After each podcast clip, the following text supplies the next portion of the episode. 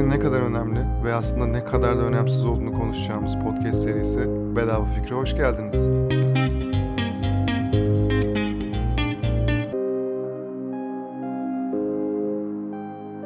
Merhaba, hoş geldin. Platon'un mağarasını duymuşsundur belki. Mağara alegorisi diye de geçer ama duymadıysan da hiç sorun değil, detaylı bir şekilde inceleyeceğiz zaten. Platon'un mağarası için felsefenin yapı taşlarından biri desek çok da yanlış söylemiş olmayız muhtemelen. Bu alegori Platon'un abisi ve mentörü Sokrates arasında geçen bir diyalog. Diyaloğu bize tabii ki Platon aktarıyor. Bu nedenle mutlaka içerisinde onun da yönlendirmesi olduğunu varsayabilirsin. Ama adı her ne olursa olsun ister Platon'un mağarası ister Sokrates'in mağarası bu mağara alegorisi veya teorisi de diyebiliriz. İlk defa duyanların aklında hep yeni bir ışık yakmıştır. Ben de öyle olmuştu en azından. Hazırsan başlıyoruz. Sokrates insanları iki gruba ayırdığımızı farz edin der. Eğitimle aydınlanmış olanlar ve aydınlanmamış olanlar. Şimdi burada yer altında bir mağara düşün. İçinde insanlar var. Bu insanlar çocukluklarından beri ayaklarından, boyunlarından zincire vurulmuş bu mağarada yaşıyorlar. Ne rahatça kımıldayabiliyorlar ne de burunlarının ucundan başka bir yeri görebiliyorlar. Öyle sıkı bağlanmışlar ki kafalarını bile oynatamıyorlar sağa sola. Bir de yüksek bir yerde yakılmış bir ateşin parıldadığını düşün arkalarında. Bu tutsaklarla ateş arasında dimdik bir yol var. Bu yol boyunca da alçak bir duvar var. Hani şu kukla oynatanların gölge şovu yaptıkları cinsten böyle alçak bir duvar. Böyle bir yer getir gözünün önüne. Bunu bir hayal et.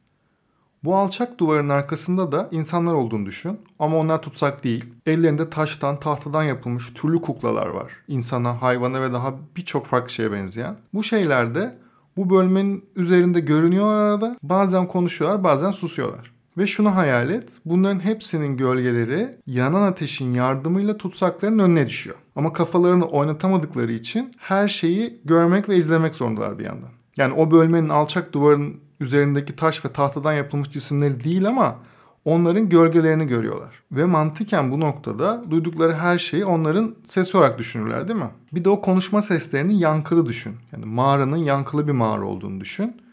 Dolayısıyla gölgeleri tüm hayatları boyunca yankılı seslerle görürler. O insanların gözünde gerçek budur değil mi? Yankılı sesle konuşan gölgeler onların gerçeğidir yani. Şimdi şunu düşün. Bu insanlardan birinin zincirlerini çözer ve her şeyi olduğu gibi görmelerini sağlarsak ne olur? Burası mağara alegorisinin en can alıcı noktası. Bu yüzden çok önemli.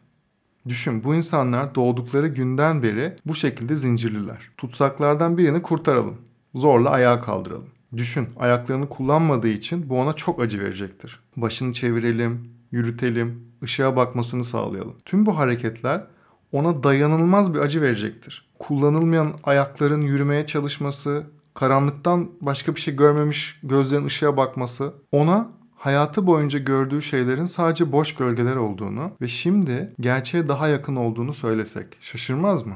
Peki aydınlığa bakmasını söylesek ve bakmasını sağlasak gözleri acımaz mı? Başını ışık yerine tüm hayatı boyunca bakabildiği gölgelere çevirmek istemez mi? Bir düşünsene.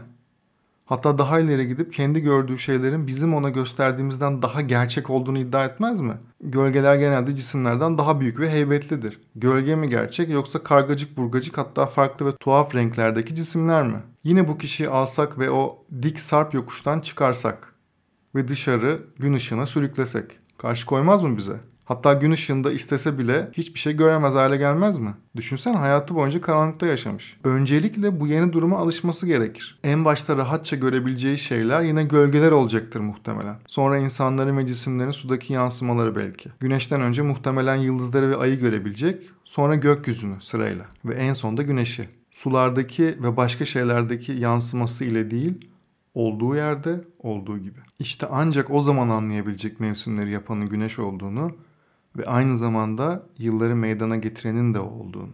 Mağaradaki arkadaşlarının ve her şeyin kaynağının güneş olduğunu. Bu durumda ilk yaşadığı yeri, orada öğrendiklerini ve arkadaşlarını, akrabalarını hatırladığında şimdiki haline şükretmez mi? Hatta orada kalanlara acımaz mı? Peki orada birbirlerine verdikleri değerler, ünvanlar, kazançlar artık mağaradan kurtulan kişi oradaki hayata imrenir mi sence? O ünlere, o değerlere sahip olanları kıskanır mı? O boş hayallere dönmektense yani eskisi gibi yaşamaktansa dünyanın bütün dertlerine katlanmak bin kere daha iyi gelmez mi? Bir de şunu düşün. Bu kişi yeniden mağaraya dönse ve eski yerini alsa. Gün ışığından ayrılan gözleri karanlığa dayanabilir mi? Hatta daha gözleri bu karanlığa alışamadan oradaki tanıdıklarıyla, arkadaşlarıyla hatta ailesiyle gördüklerini konuşsa, onlarla paylaşsa, onlara gerçek dünyayı anlatsa sence nasıl bir tepki alır? Yukarıya boşuna çıkmışsın, üstelik de gözlerini bozup buraya geri dönmüşsün demezler mi? Hatta bu kişi tutsaklardan bazılarını çözüp yukarıya kendi gördüklerini göstermeye çalışsa ellerinden gelse onu öldürmeye kalkmazlar mı? İşte bu yüzden karanlıktan aydınlığa geçiş ne kadar erdemlidir ve aydınlıktan karanlığa geçiş ne kadar acınası. Ben hangisini diye mahkem kesemem ama şunu biliyorum.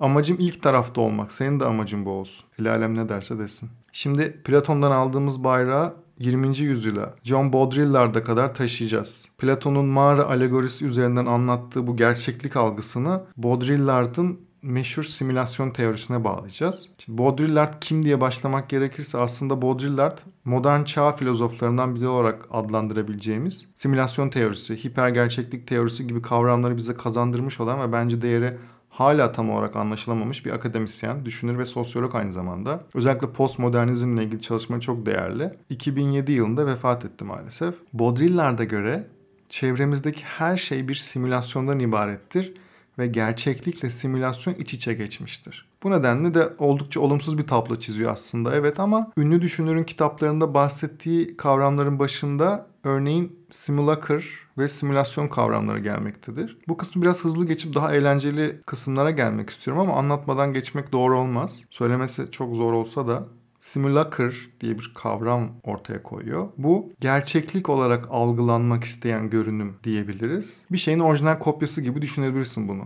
Örneğin gülümsemek gerçekse gülücük emojisi onun simulacrıdır diyebiliyoruz. Veya bir tiyatro oyunu gerçek hayatın bir simülakrıdır diye geçiyor. Bir de simülasyon olarak ortaya koyduğu bir şey var. Bu da sözlük anlamıyla aslında bir araç makine, bir sistem, bir olguya özgü işleyiş biçiminin incelenme, gösterilme ya da açıklanma amacıyla bir market ya da bilgisayar programı aracılığıyla yapay bir şekilde yeniden üretilmesi. Bunun günümüzdeki en önemli örneklerinden biri deepfake adıyla geçen videolar. Bu sistemle istediğin herhangi bir videodaki surat yerine istediğin herhangi başka bir suratı ekleyip sahte videolar üretebiliyorsun. Ve artık herkesin uygulayabileceği, kullanabileceği uygulamalar ve web siteleri bile var. Bundan sonra ne kadar tehlikeli olabileceğini farkında olmamız gerekli. Çoğunlukla komedi unsuru olarak kullanılan bu videolar kötü amaçla kullanılmıyor da maalesef çok müsait.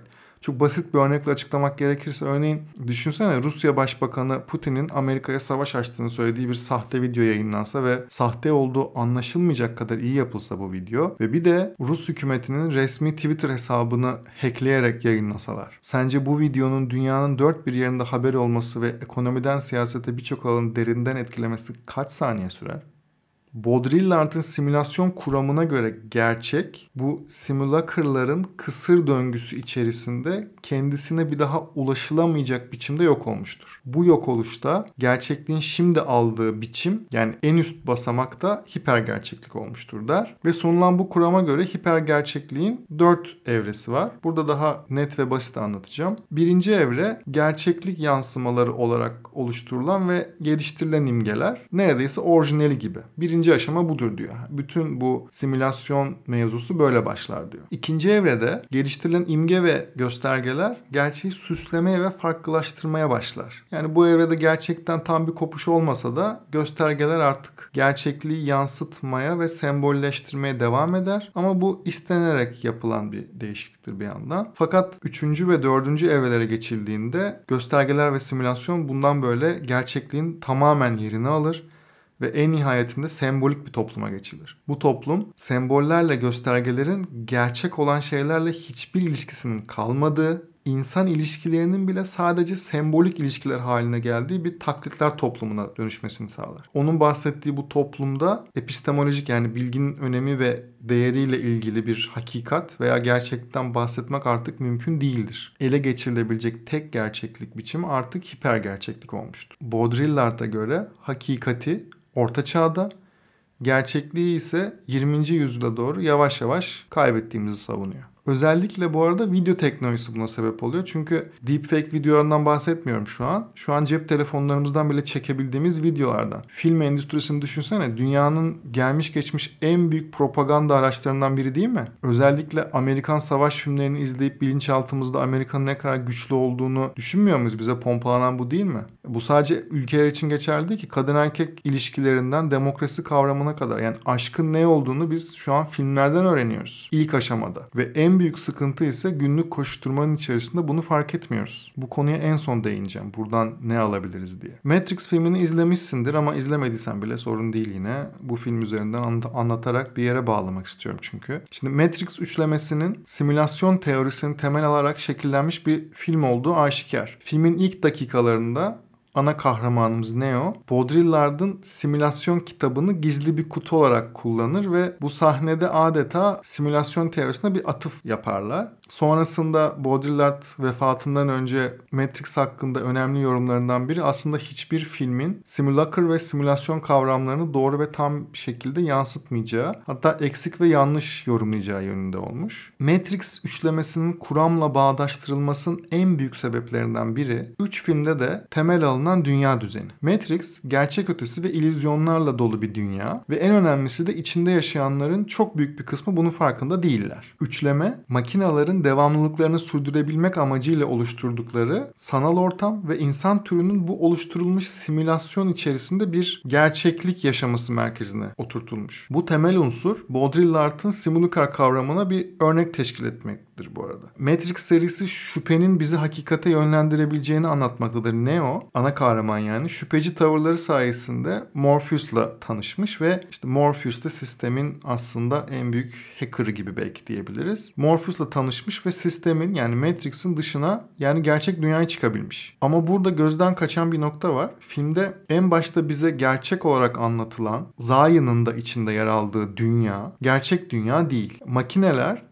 insanların zihinlerini tek katmanlı bir sistemde tutmaya çalıştıklarında her seferinde sistemin çöktüğünü deneyimlemişler ve bu nedenle de içinde bir simülasyon daha yaratmışlar. Bunun sebebi çok basit olarak anlatmak gerekirse insanların hali hazırda yaşadıkları tüm duyguları yaşayabildikleri ortama ihtiyaç duymaları. Matrix simülasyonun ilk versiyonlarından birinde düzenin insanlar için mükemmel olarak adlandırılabilecek bir refah düzeyinde oluşturulduğu fakat bu düzenin büyük bir felaketle çöktüğü anlatılıyor örneğin. İnsanların herkesin mutlu olduğu bir dünyanın gerçekliğini inkar ettikleri belirtiliyor. Yani herkes çok mutlu olduğunda veya herkes çok hüzünlü, mutsuz olduğunda bu evren simülasyonları çöküyor. İnsan doğasına uygun olarak dünyalar yaratılmak zorunda bu nedenle. Yani burada versiyonlar ilerledikçe makinelerin daha sürdürülebilir bir Matrix'e doğru ilerlediğinden bahsedebiliriz. Yani Baudrillard'ın teorisine gelecek olursak bir simülasyon içerisinde yaşadığımız muhtemel buna ister tanrı de istersen başka bir güç veya başka bir enerji. Burada aklıma geçtiğimiz yıllarda bu Tesla ve SpaceX'in sahibi olan ve kurucusu olan Elon Musk'ın bir panelde yaptığı konuşma geliyor. Ona şöyle soruyorlar. Sizce bir simülasyon içerisinde miyiz? diye bir soru geliyor ve cevap olarak gerçekçi video oyunlarıyla gerçek dünya simülasyonlarını yapabilme kabiliyetimiz her geçen gün artıyor. Bunu biz yapabiliyorsak başka varlıklar da yapabilir. Umarım bir simülasyonun içerisindeyizdir ve tüm bu yaptıklarımız, uğraştıklarımız boşa gitmez diyor. İlginç bir bakış açısı. Beni etkilemişti. Platon'un mağarasından bahsettik. Baudrillard'ın efsane simülasyon teorisinin üzerinden geçtik. Yolda da deep fake videolarına uğrayıp en son Matrix'i tamamladık. Biraz teorik bilgi olarak görebilirsin bu anlattıklarım ama en sonda her zaman yaptığım gibi peki tamam da biz bu bilgilerle ne yapalım kısmına geldik. Burada bir 5 madde hazırladım yine. Bir, bunu papağan gibi tekrarlıyorum belki biliyorum ama her gördüğün şeye inanma. Neyin gerçek olduğunu bilmemizin teoride imkansız olduğu bir dünyada bari elimizden geleni yapalım. Şüphe iyidir ama tabii paranoyaya kaçmadığı sürece filtrelerimiz olsun. Lütfen. 2. Gördüğümüz herhangi bir bilgiyi, bu haber de olabilir veya işle ilgili bir konu da olabilir. Bilgi bize ulaştığı anda sorgulamamız gereken ilk şey şu olsun. Bu bilgi hayatın olağan akışına uygun mu? Bu benim çok kullandığım bir kalıp. Birçok insanın dolandırılmasının sebebi de bu maalesef. Bazen gerçek olamayacak kadar iyi bir teklifle karşılaştıklarını sanıp kabul edip sonra ellerindekinden de oluyorlar. Örnek son model araba kazandığınız ama vergisini yatırmanız lazım önce şuraya gibi. 3. Teyit edilmiş bilgi mi? Bir haberle karşılaştığımızda önce hangi kaynaklar paylaşmış ona bakmamız lazım. Birden fazla güvenilir kaynak paylaşmışsa daha gerçek bir bilgi olma ihtimali yüksek. Ben mesela Teyit.org ve bazı belli basın kurumlarında görmeden o haberi doğal olarak kabul etmiyorum örneğin. 4. En basit cevap genelde en doğru cevaptır. Komple teorileri için geçerli aslında bu. Eğer bir haber veya bir içerik çok çetrefilli ve çok katmanlıysa muhtemelen tamamı veya en azından bir kısmı doğru değildir. O yüzden tekrar bakmak gerekir. Beşinci ve son madde ve en sevdiğim madde. Biri bana bir şey anlatmaya başladığı anda genelde ikinci cümlesinde şunu düşünmeye başlıyorum. Bunu fark ettim. Ben bu bilgiyle ne yapacağım? Eğer somut bir cevabı yoksa tüm ilgimi de kaybediyorum bu arada. Lütfen önüne gelen tüm bilgiler için bu cümleyi kullan, kendine sor. Ben bu bilgiyle ne yapacağım? Bu bölümün de sonuna geldik. Bedava fikri seviyorsan ve bu bölümü beğendiysen bir arkadaşına daha önerip dinlemesini sağlarsan daha büyük bir topluluk haline geliriz ve böyle olursa hem bölümlerin sayısı artar hem de farklı projelere evirebiliriz burayı birlikte. Dinlediğin için sana çok teşekkür ederim. Bir sonraki bölümde görüşmek üzere. Hoşçakal.